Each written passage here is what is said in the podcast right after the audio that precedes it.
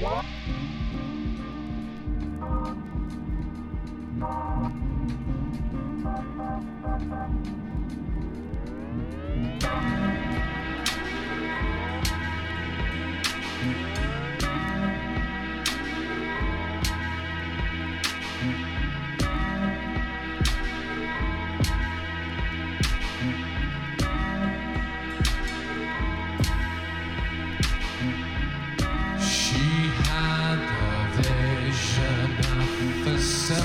Selfless mind control.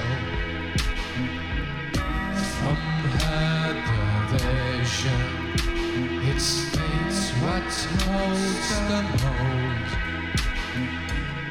I'm sure that's something that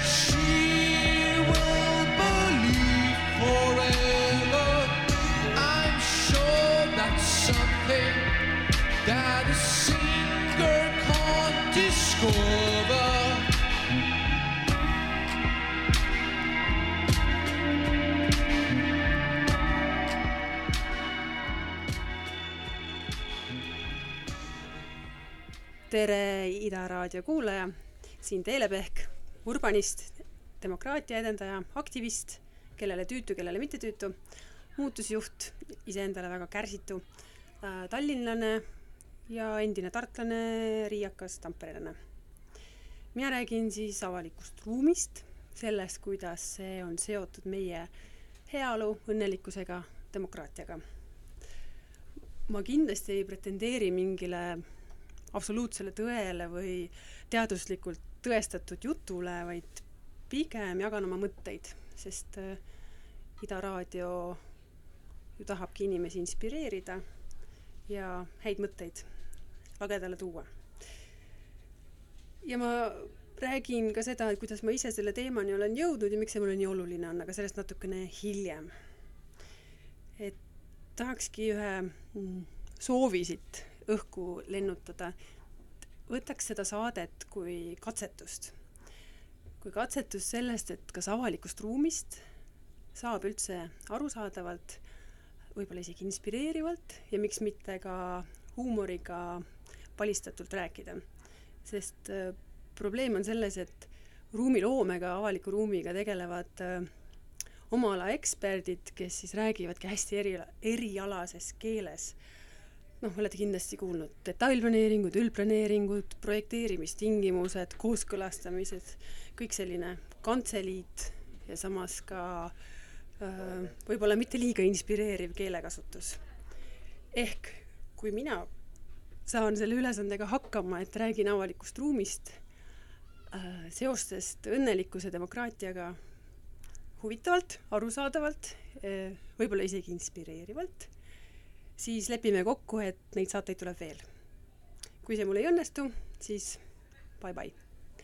ja muidugi ma ei pea üldse üksinda rääkima, vaid edaspidi siis juba konkreetsematest vaatenurkadest avalikule ruumile ja koos äh, teiste palju helgemate peadega kui mina ise.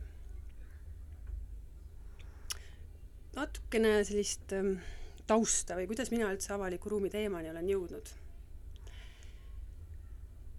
mõnes mõttes on see nii igapäevane teema, see, me kõik kõnnime tänaval või metsarajal, mere ääres, me läbime avaliku ruumi iga päev, me viibime selles iga päev, ükskõik mis ilmaga, ükskõik mis aastaajal.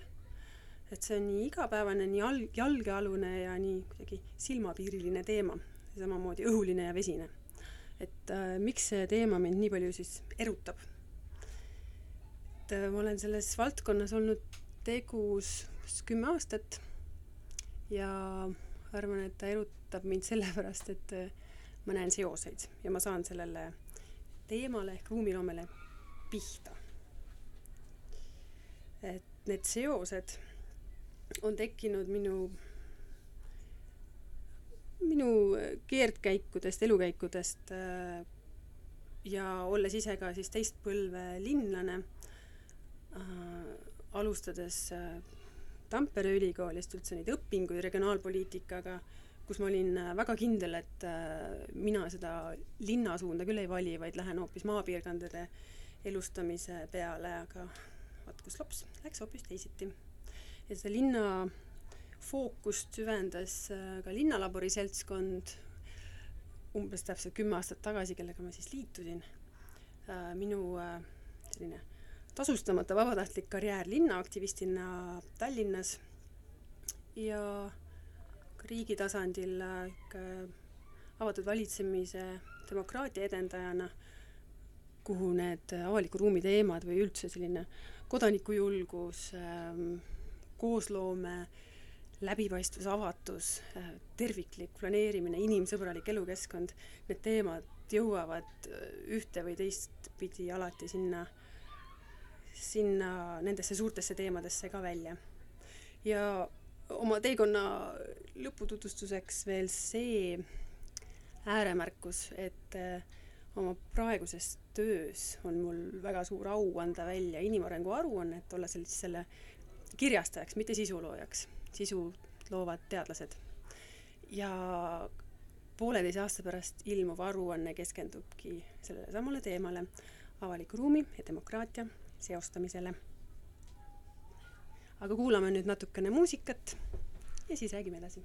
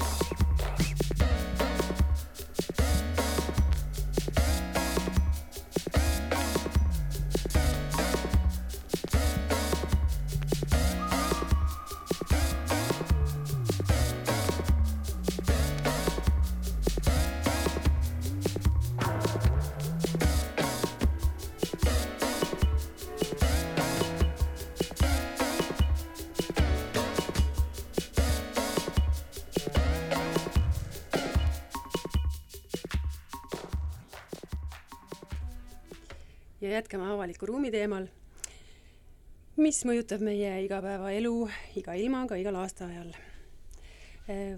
veel natukene seletan lahti avaliku ruumi olemust, et noh, kipub juba natuke sellise, on ju, loengu suunas, aga aga loodan, et ta niimoodi ikkagi ei mõju.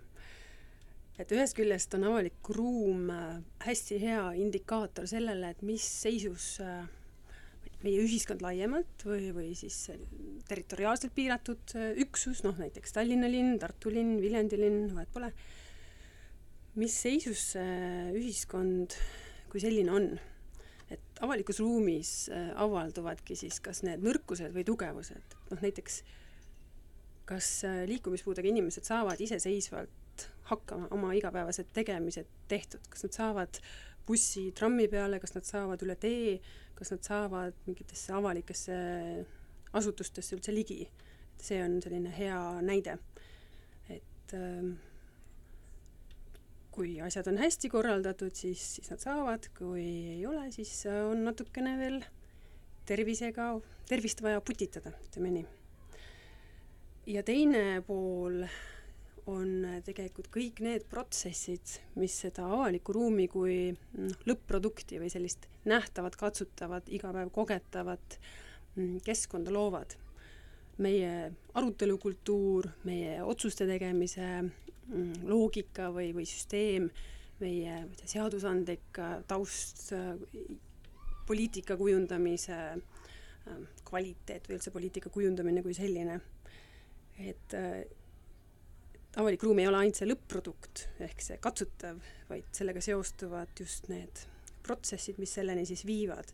ja siin tuleb muidugi arvestada ka, et äh, näiteks äh, tiheasustuste, noh linnade kontekstis me ei saa mitte kunagi nullist ju alustada, meil on juba nii palju olemas, et äh, et kuidas me seda kogu aeg inimsõbralikumaks muudame, kuidas me kestliku arengu eesmärke üldse järgime, kuidas äh, tea, lõimumist, inimeste kokkusaamisi sallivust, kõike seda just ruumi planeerimise, ruumidisaini ja ruumikasutuse kaudu äh, soosime või, või edendame. et need teemad ongi selline paeluv äh, kompott minu jaoks ja nendega ma ka igapäevaselt siis tegelen.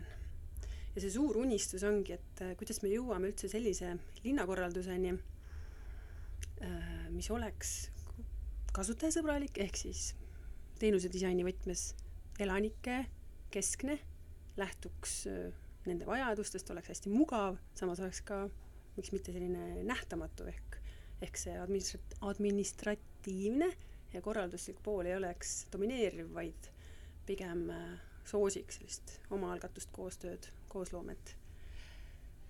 et siin on üleilmseid üleilmset konteksti on oluline arvestada. et äh, Eesti ja Tallinn ega ükski teine linn ega asula ei ole ülejäänud planeedist eraldatud, sellepärast ma markeerin paar sellist äh kontekstitegurit, et me elamegi linnastumissajandil, öeldakse urban century, et üle viiekümne protsendi elanikest maal elabki linnades ja see tendents on äh, aina kasvav, ehk aina rohkem inimesi kolibki linnadesse. et seda, kas see on hea või halb, ma, selle kohta on väga palju erinevaid arvamusi, et seda ma siin lahkama ei hakka, võib-olla kunagi tulevikus. Äh, ja need linnad siis ka on hästi suure ökoloogilise jalajäljega ehk üle seitsmekümne protsendi kasvuhoonegaasidest üldse tekibki linnadest, räägin siis globaalses kontekstis. Ja samal ajal, et kui linnad on ökoloogilisest vaatenurgast äh, pahad, siis samal ajal on linnades kui sellistes kontsentreerunud äh, keskustes tohutu potentsiaal just äh, neid ökoloogilisi probleeme lahendada, uuendusi välja mõelda, katsetada nii kliimapoliitika vaatenurgast kui ka elustiili ja üldse majanduse innovatsiooni vaatenurgast. Et, äh, et see, mina, mina usun sellesse samamoodi, noh, Eesti linnad maailma, maailma konteksti panduna on nagu pisikesed külad, Tallinn ka, aga noh, seda enam me siis saamegi siin katsetada, proovida midagi, midagi uut, midagi ägedat ka maailmale pakkuda. ja korraks käin üle ka sellised ähm, globaalsed trendid, mis äh, siis meid mõjutavad, nagu ma juba mainisin, kliimamuutused, kas nende leevendamine või ennetamine, üldse rahvastiku vananemine, meie kontekstis ka vähenemine aina rohkem keskendutakse inimeste heaolule, õnnele, ebavõrdsuse vähendamisele, ehk see inimese komponent äh, nii äh, linnaplaneerimises kui ka üldse ühiskonnakorralduses on äh, olulisel kohal. siis äh, kliimaga seoses energiatõhusus äh,, igasugune taaskasutusringlus, et kuidas neid süsteeme luua ja kogu aeg edasi arendada. jagamine näiteks äh, liikuvuse, inglise keeles mobility, kui teenuse arendamine, Helsingi seda praegu proovibki, ühendab äh, autoga sõitmise, ühistranspordiga, jalakäimise, rattaliikluse niimoodi, et äh, inimese jaoks on see peaaegu nähtamatu ja hästi mugav. siia ka igasugused autojagamised ja isejuhtivad autod. andmed ja andmepõhine muutuste juhtimine andmete kaudu ka mingite ähm, saavutuste mõõtmine, et kas me oleme seal, kuhu me kuhu tahtsime jõuda. Ja erinevate kas linnade või riikide võrdlemine. siis kindlasti on üks trend äh, aina rohkem katsetamisi, sellist paindlikkust, et testime midagi mingil perioodil ja siis alles teeme järeldusi, mitte ärme pane tea, kümneks aastaks lukku mingit arengut ja siis kümne aasta pärast, kui olud on tegelikult muutunud, ikkagi me peame selle ära tegema, sest kümme aastat tagasi sai paika pandud niimoodi. siin on jälle Soome väga heaks eeskujuks kogu riigi tasandil, nad viljelevadki sellist katsetavat ähm, valitsemist.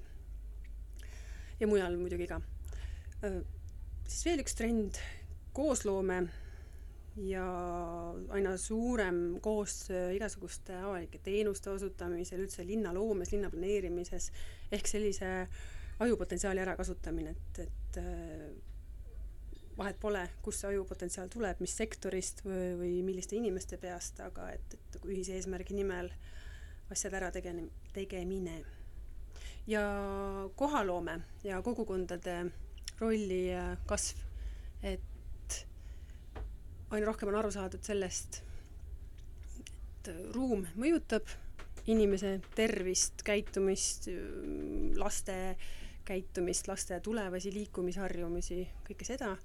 ja nüüd, mis on seal kogukondade roll siis äh, mingite paikkondade noh, paremaks või omanäolisemaks kujundamisel või mingite oluliste väärtuste kaitsmisel, et see, see ongi see kohaloome. kuulame jälle muusikat ja siis jätkame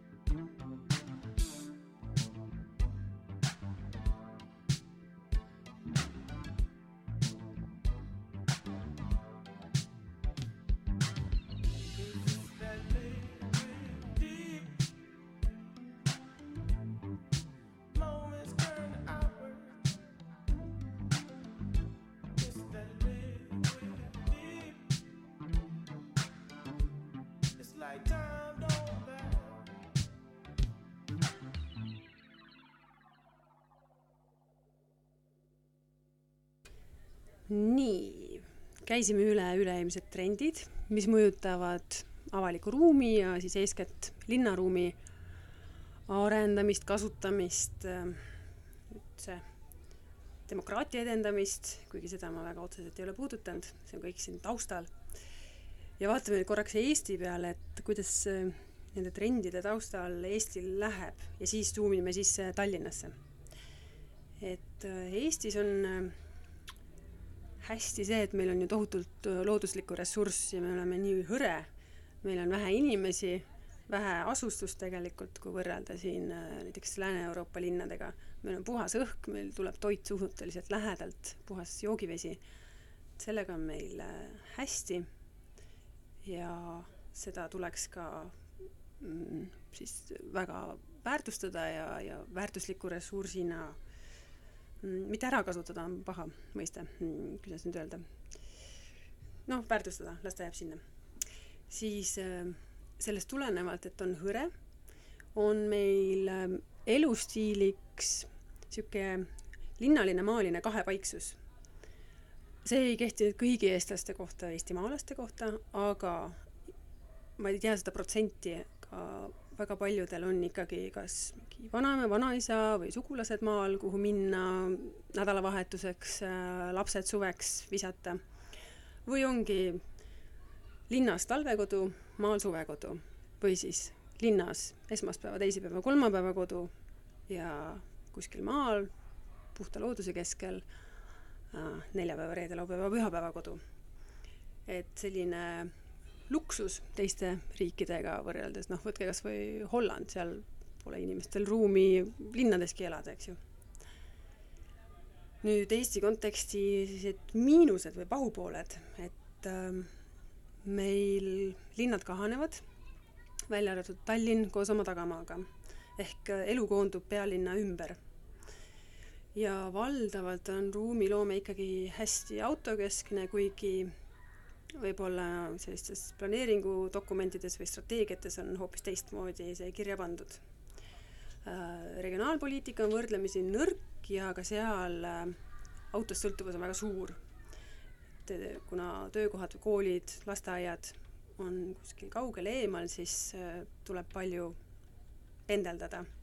et kui ma eelmisel aastal Arvamusfestivalilt Paidest hääletasin, siis kuidagi me jõudsime sama teema peale autojuhiga ja tema väitis, et mis asja, et maal elaval perel on juba vähemalt neli autot peres. et ma ei tea, kust see neli tuleb, et kas nagu lastele ka või, või on vaja erinevate mudelitega erinevatesse kohtadesse sõita. Aga et see pidi juba olema Kesk-Eesti reaalsus. Nii, siis Eesti konteksti siis pahupooli veel, et ruumiloome kui siis selline süsteemne lähenemine avaliku ruumi, aga üldse ehitatud keskkonna, elukeskkonna mm, loomisele on kaootiline, kureerimata, ta ei ole riiklikust vaatest prioriteetne. Ja seetõttu ka erahuvi saab väga palju domineerida ja ebavõrdsust ruumis on endiselt äh, hästi palju, et nagu ma juba enne tõin näite, et näiteks äh, puuetega inimesed, kas nad saavad ise hakkama, noh, mõelge, kas te olete näinud näiteks kesktalvel, kui on palju jääd ja lund, kedagi ratastooliga kesklinnas liikumas üldse? et mina küll ei ole. ja niisugune pahupool ma veel tooks välja, on, et äh, millegipärast on meil vaja tohutult teiste linnade vigu läbi teha, selle asemel, et äh, võtta neid läbi tehtud vigu kasuliku õppetunnina ja sealt edasi arendada, vaadata, mis Eesti konteksti sobib, mis mitte. ja nüüd ma tulengi selleni, et mis see arenguvaru meil on. et millised on need kasutamata mm, ressursid või viisid või, või vahendid, mida ruumiloomes saaks ära kasutada. meil on tohutult kollektiivset tarkust ehk ajupotentsiaali teha nutikaid asju, katsetada teha uutmoodi, teha omamoodi. Meil on selleks toetavad digivõimalused ja digivõimekus ehk äh, kuidas me paneme igasuguse digi teenima seda pikka eesmärki, mida me siis tahame saavutada avaliku ruumi kujundamisel näiteks. et äh, igasugused arutelu, otsustusprotsessid koostöövõimekuse parandamine, uuendamine, et see sellise kollektiivse tarkuse ja, digivõimalustega, et siin mina näen väga suurt potentsiaali. Teiseks niisugune üldise huvi, ühishuvi või avaliku huvi sõnastamise oskused ja kaitsmise oskused. et põhiseadus ütleb meil ka ja seda tuuakse hästi tihti välja, et äh, eraomand on puutumatu. jah, las ta siis olla. aga sealsamas peatükis põhiseaduses paar lauset edasi on kirjas, et samas ei tohi eraomandit äh, üldiste huvide vastaselt kasutada. ja vot nüüd me võiksimegi äh, sellise küpsema riigina juba suunata siis selle fookuse sinna üldiste huvide peale, et erahuvide ja omandisuhted, et see on meil nagu hästi selgeks õpitud ja läbi kogetud ja, ja vitsad ka kätte saadud. ehk kuidas me kuidas me saaksime seada hea elukeskkonna selliseks avalikuks hüveks või põhiseaduslikuks õiguseks. et äh, see tundub mulle endale hästi põnev äh, eesmärk või ambitsioon või väljakutse on vale sõna, sest kiirabid kutsutakse välja, ehk siis äh, katsumus, ütleme nii. ja täpselt samamoodi on meil äh, igasugune võimekus ja võimalused tulenevalt sellest hõredast ruumist ja tulenevalt meie tarkusest ja digivõimalustest katsetada, proovida, õppida ja olla, olla võib-olla kas Euroopa või maailma mastaabis noh, katselaboriks, näiteks ruumiteemadel. et niisugune äh, ruumi vahekasutus äh, või üldse mm, planeerimise hoopis teistele alustele viimine, võib-olla agiilse arenduse põhimõtete sissetoomine seal, seal on veel palju minna, aga häid märke juba on näha ka. ja sellised õnnelikud inimesed on ka üks ähm, võimalik suund, kus, ähm, kus nii selle katsetuste kaudu, kollektiivse tarkuse kaudu, et, ähm, et kui me seame inimese õnnelikkuse või üldse õnn, õnnelikkuse kui sellise äh, iga otsuse eesmärgiks või selliseks pealisülesandeks. jah, võib Bhutanist õppida, aga me võime ka omamoodi teha. et siis, ähm, siis see inimfaktor ja sellised pehmemad väärtused tulevad palju rohkem esile. Nüüd ma suumiksin sisse Tallinnasse, et kuidas Tallinnas äh, selle olukorraga on, kui me vaatasime Eesti konteksti, siis kuidas siis Tallinnas Eh, nii nende võimaluste kui ka plusside-miinuste kontekstis on. ja miks ma Tallinnast räägin, sest ma olen ise peaaegu kümme aastat tallinlane ja ma leian, et kogu elu ei keerle Tallinnas ega toimu Tallinnas. Tartus on avaliku ruumiga väga-väga häid arenguid äh, toimumas, nii Roosi tänav kui rongijaama ümbrus kui üldse selline usalduskultuuri kasv. aga ma leian, et kuna Tallinnas on äh, rahvastikku, sellest tulenevalt ka siis kompetentsi ja võib-olla sellest tulenevalt või sellest olenevalt ka korruptsiooni kontsentratsioon väga kõrge. Et kui siin mingeid asju korda saata ja võib-olla uuendusi teha, siis on need võimalikud ükskõik mis kohas. Mm, peamiselt Eesti kontekstis, aga ka mujal maailmas, et sellepärast äh, vaatame korraks Tallinnasse. et kui kasutajakeskne ja kui pikaajalise vaatega ehk kestlik on siis Tallinna elukeskkonna arendamine. ehk äh, kas elukeskkond kui avalik hüve on Tallinna puhul selleks keskseks prioriteediks. Võtame näiteks ühistranspordi valdkonna. et kui mujal maailmas või äh, teistes riikides, millega me tahame ennast tihti võrrelda, noh näiteks Põhjamaad, on ühistransport alati esimeseks prioriteediks äh, nii uusarendustes kui ka äh, kui ka siis äh, kesklinnade tihendamisel. Äh, suund on pigem sinna, et endiseid magistraale muudetakse ümber kas linnapulvariteks või parkideks, ehk selline autoajastu on pöördumas ümber inimese ajastuks, kui südalinnad muudetakse autovabaks, äh, inimesed meelitatakse kas trammi, metroosse, bussi või rataste peale või üldse jalgsi riik-, liikuma. Ja liikuvus on selline noh, nähtamatu teenus, et kõik on korraldatud võimalikult kestlikult, jätkusuutlikult, siis Tallinnas millegipärast on äh, bussi- ja trammiliinid mitukümmend aastat vanad ja uusi liine pigem kavandatakse selle järgi, kus bussijuhid saavad pissida ja puhata, mitte selle järgi, kus äh, elanikud tegelikult liiguvad ja kus, kuhu nad tahaksid liikuda. kas siis töö ja kodu või kooli ja kodu vahel, ehk kus on selline kriitiline mass äh, elanikke. ja Transpordiameti juht ise ütleb selle kohta, et me võime ju uute tänavate ehitamisel need bussiputkad valmis teha, aga sinna peab tekkima siis nõudlus äh, nende bussiliinide või trammiliinide järele. noh, trammi on natuke raskem niimoodi ümber orienteerida, võtame bussi näiteks. et minu küsimus siit on, et kas viisteist inimest selles äh, bussiliinita bussiputkas on nagu piisav nõudlus või pigem kolmkümmend inimest? noh, mõtlemise koht, eks ju. Äh, ja ühistranspordi vaatest veel, et meil elanikud pigem võitlevad selle eest, et saaks bussiradadel kas siis autoga või taksoga või, või mopeediga, mille iganesega sõita. ja mitte selle eest, et äh, ühistransporti kui sellist kaasajastada, äh, viia, viia see päriselt prioriteediks, viia see uusarendustes esikohale. ja Tallinna puhul kahjuks tuleb ka seda väga tihti ette, nagu suht hiljutine uudis paljastas, et äh, väga palju on transpordis ja teedeehituses ikkagi isiklikke hüvesid äh, linna tippjuhtidele. nii, võtame teise teema, jalakäidavus. kui teistes linnades äh, järgitakse igasuguseid erinevaid printsiipe, üheks on selline kaheksa ja kaheksakümmend printsiip, mis siis tähendab, et kui näiteks teed, tänavad, mingid äh, promenaadid või, või pargid on head nii kaheksa-aastasele lapsele kui ka kaheksakümne-aastasele inimesele, naisele või mehele, siis on ta hea absoluutselt kõigile.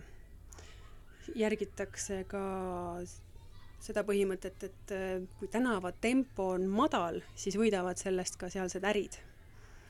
Hmm, eeskätt äh, Jan Geeli filosoofia südalinnade getostumist ennetatakse just hea ruumi ja uudse ruumi ja sellise mõtestatud avaliku ruumi ja tänavate ja parkide ja rohealadega, mere äärega, kõige sellisega. ja kuidas siis selles kontekstis on Tallinna jalakäidavuse olukord? et meil on ju tegelikult jalakäijate paradiis siin, meil on sügisel, talvel ja kevadel tasuta mudaspaad, mittetolmavad asfaldiväljad, mis on äh, suurte vihmalompidega kaetud meil on tõkke- ja takistusjooksuks ideaalsed tingimused, et sünniksid olümpiavõitjad, sellepärast et igasuguseid torupiirdeid ja betoontuvisid ja plönne on äh, kogu linn täis. ehk jalakäijate paradiis, kas pole? ja jalakäijasse suhtutakse kui ajudeta liikujasse, kes, äh, kui teda ei takista, siis ta ju ometi ronib sinna auto ette sõiduteele. ehk äh, kõik need valgusfoorid, piirded, tõkked ja ikkagi autoga peab igale poole letti saama, nii oma maja ette, nii oma korteri akna alla, nii kesklinna äripindadele kui ka tegelikult parkidesse, no vaadake, Löwenruu pargis hammust, pargist hammustatakse tükki ära, et parkimiskohad teha. Ja noh, rääkimata üldse linna ääres paiknevatest rattateedest, kuhu minnakse ju ka autoga, et ikkagi sporti teha, sest rattaga sõitmine on sport, mitte igapäevane liikumisviis. kuidas te seda enne siis ei teadnud? nii, olge veel minuga, kaks äh, näidet veel Tallinna kohta. Äh, strateegiline linnaplaneerimine. kui mujal ähm, harrastatakse pikaajalist vaadet, äh, seatakse ambitsioone ja pannakse paika strateegiad, et kuidas selle ambitsioonini jõuda kasutatakse siis kõikide osapoolte aju ja koostööd ja kompetentsi, et seda tervikvaadet mm, noh, järgida. no näiteks äh, Helsingis on seatud äh, eesmärgiks, et isikliku auto omad-, vabandust, isikliku auto omamise vajadusest tahetakse, oli see nüüd aastaks kaks tuhat kolmkümmend või kolmkümmend viis, loobuda, ehk see liikuvus kui teenus, mida ma mainisin juba selline hästi kasutajakeskne vaade. Stockholm on ähm, kahe tuhande viiekümnendaks aastaks seadnud eesmärgi fossiilkütuste vabaks linnaks muutuda, CO kahte vähendada ja see puudutab nii energeetikat, elamumajandust, transporti kui ka teisi valdkondi, ehk selline tervikvaade jälle. Kopenhaagen tahab aastaks kaks tuhat kakskümmend viis, et äh, kohalikud elanikud teeksid seitsekümmend viis protsenti oma liikumistest jala, rattal, ühistranspordiga. see on praegu umbes äh, kolmkümmend protsenti või natuke üle. ja et inimesed äh, viibiksid vabas õhus kakskümmend protsenti rohkem kui praegu. et sellised väga lihtsad asjad, millel on ka konkreetsed viisid, kuidas mõõta.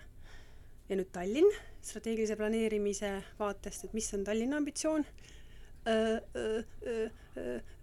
roheline pealinn ja siin ma rohkem ei kommenteerikski. koostöö, koosloome ja avatus kui nüüd viimane teemavaldkond, millega siis Tallinna tervist mõõta. mujal on suund kasutajakesksusele, võimaldava usaldusliku keskkonna loomisele just siis äh, linnavalitsuse poolt ehk sellise administreerija poolt näiteks jälle seesama Helsingi, et varasemate niisuguste silotorne tekitavate ametite asemel loodi hoopis neli valdkonda, mis katavad äh, kõik eluks vajalikku ära, sotsiaal ja tervis, äh, kultuur ja vaba aeg, liikuvus ja neljas teema elamine ja keskkond. Ja siis äh, kogu pikaajalise strateegia ja kõikide mm, tegevuste koordineerimine, tea, strateegiline planeerimine on omavahel väga süngitud. igasugused asumikoordinaatorid on Helsingis olemas, soositakse omaalgatust, on niisugused nullbürokraatia alad, kus saab usalduse pinnalt äh, korraldada, ma ei tea, rannapidusid või, või kirbuturgusid ja kõike, kõike muud sellist. ehk Helsingi on äh, tõsiselt niisuguse uue linnakultuuri laine ära tabanud ja on selle nagu eestvedajaks nüüd Tallinnas, kuidas on koostöö, koosloome, avatuse, usalduse tekitamisega. et äh, siin on hea tsiteerida arhitekti õppejõudu Margus Kooti, kes ütleb, et äh, meil valitseb punnpäisuse sündroom. ehk äh, kui mingi vana plaan on äh, kas kümme või viis või viisteist või viiskümmend aastat tagasi paika pandud, siis on see eeskätt poliitikutel vaja ikka iga hinna eest äh, ükskõik mis müüride läbi minnes vaja läbi suruda.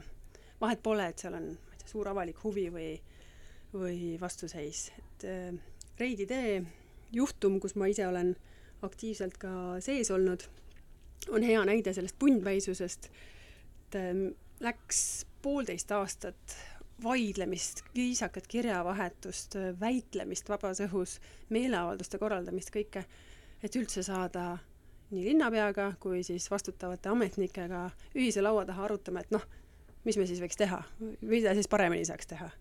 et äh, selline võitlus ja vastandumine on kahjuks äh, Tallinna linnaruumi iseloomustav, äh, iseloomustavad tunnused, aga mõelge tegelikult teistpidi, et mida kogu selle ajaga, noh, kas või selle pooleteist aastaga ja paarikümne inimese energiaga ja ajaga saaks ära teha, et me saaks, ma ei tea, Peeta promenaade pikendada, me saaks äh, peatänavaid äh, tüki kolm Tallinnasse ehitada ja kõike muud. ehk väikest sellist äh, sada kaheksakümmend kraadi pööret oleks vaja.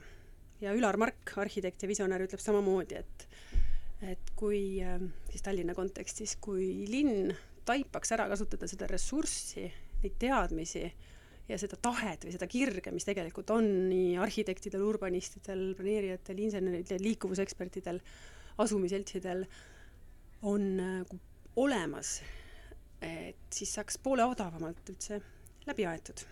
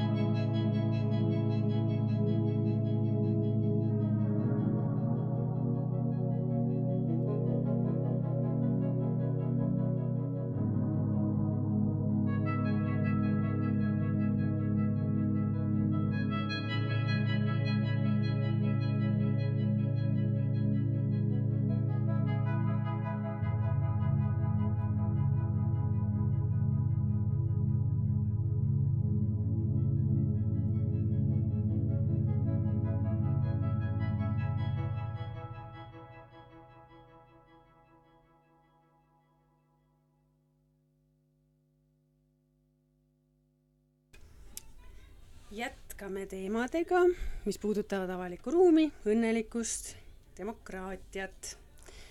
ma käisin läbi äh, enda arust natukene stand-up komöödialikus stiilis äh, Tallinna hädad teiste linnade, selliste meie eeskujulinnade vaatest või kõrvutades nendega.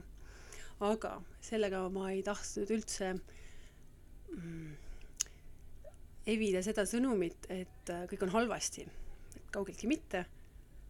häid asju juba toimub omajagu.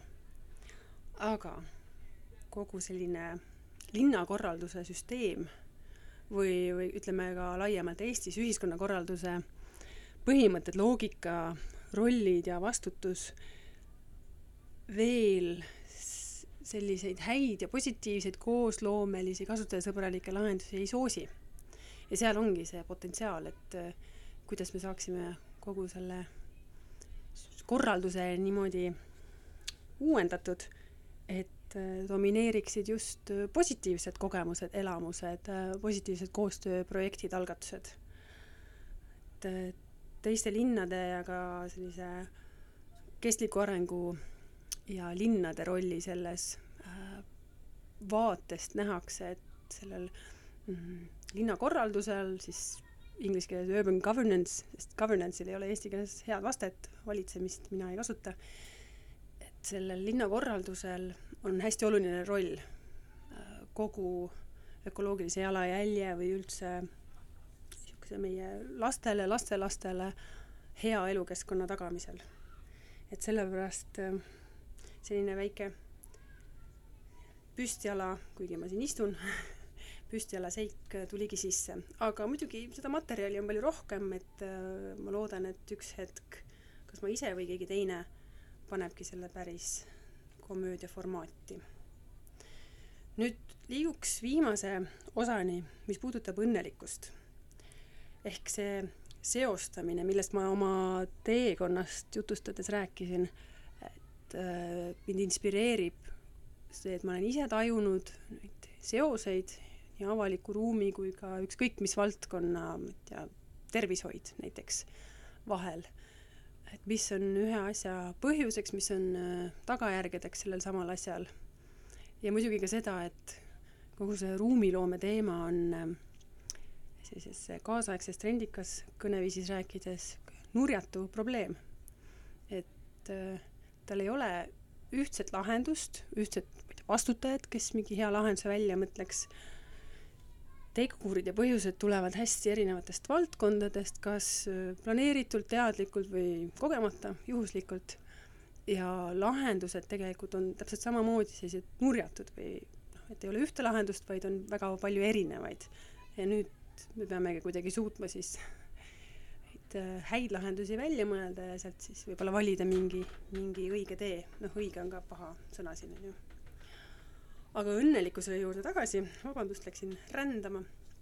et äh, üldse, mis on siis ruumi mõju tervisele, heaolule ja sotsiaalsele sidususele, kui tahta niimoodi väljendada äh,, sallivusele, otsustus, aruteluruumi mm, kvaliteedile et ma natukene toon neid seoseid välja, aga ma põhjalikumalt nendesse ei lähe.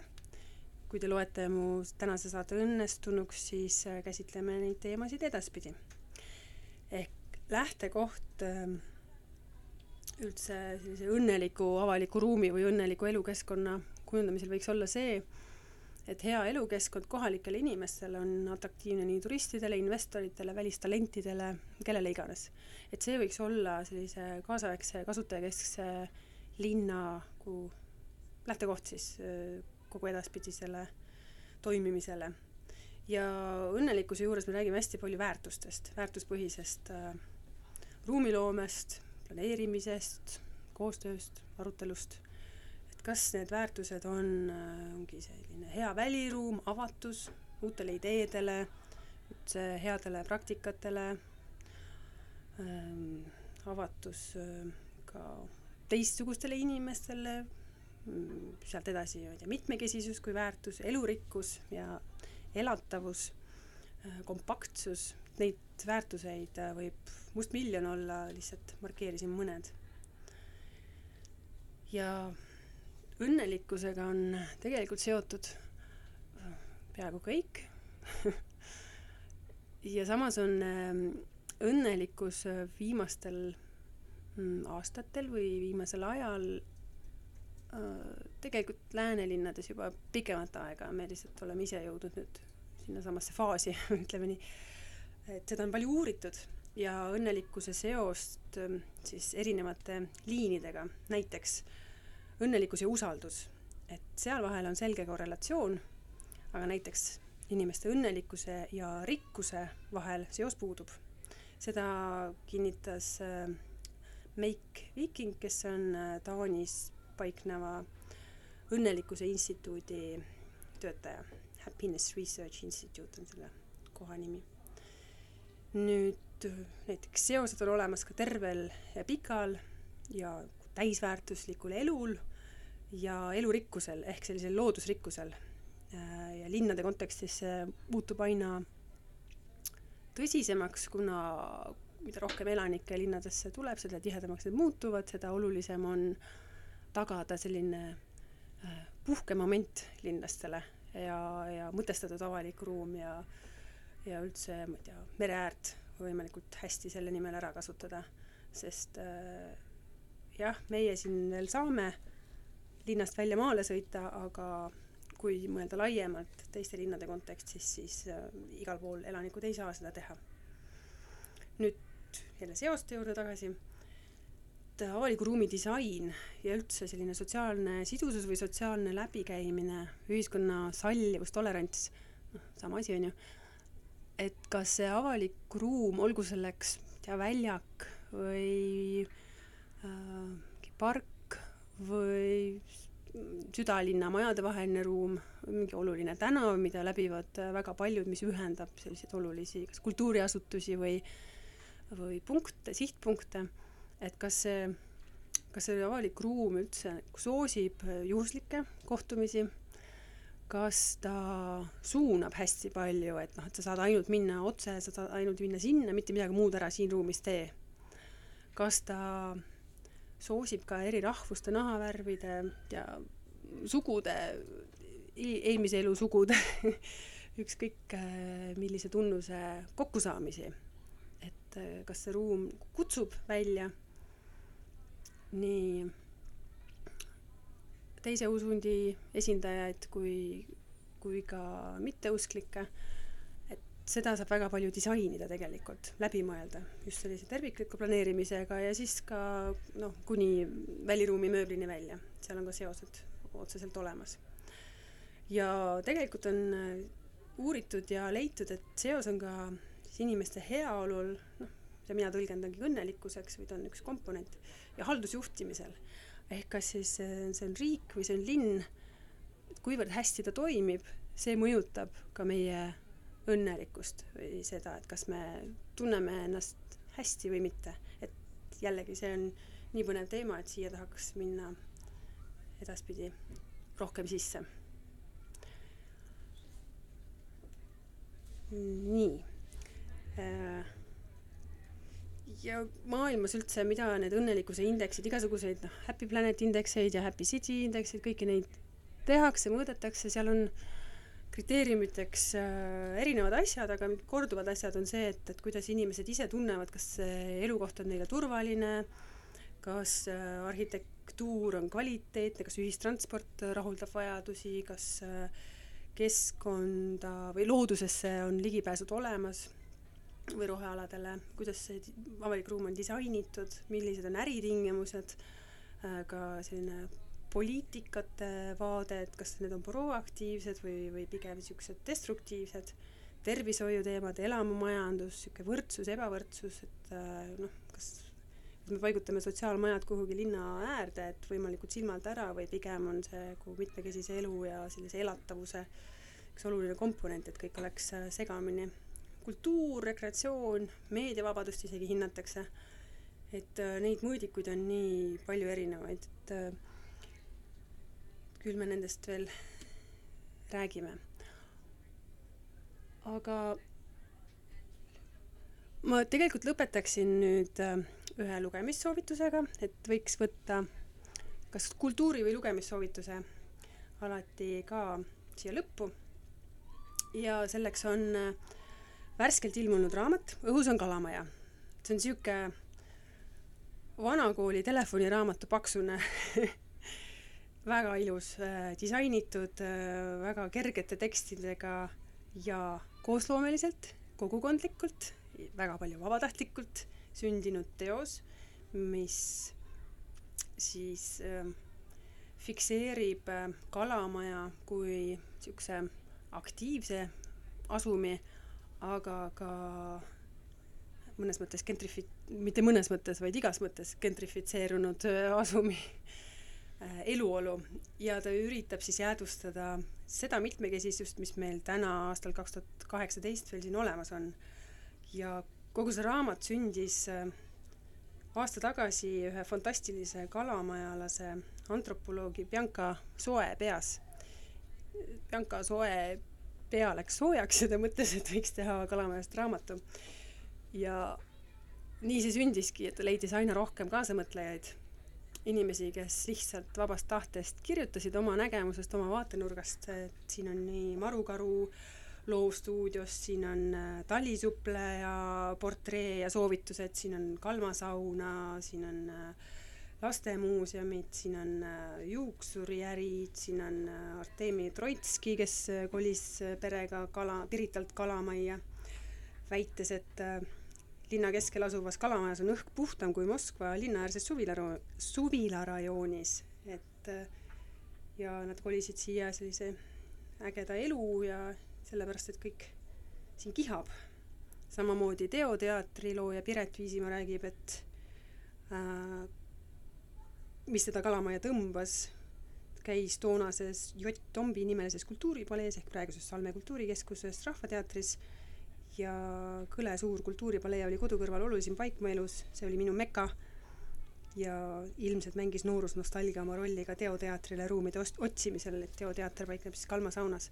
ühesõnaga, sellel laupäeval on Õhus on Kalamaja raamatu esitlused mitu tükki Kalamaja päevade raames, aga kahekümne neljandal mail õhtul ka Rahvaraamatus Viru keskuses.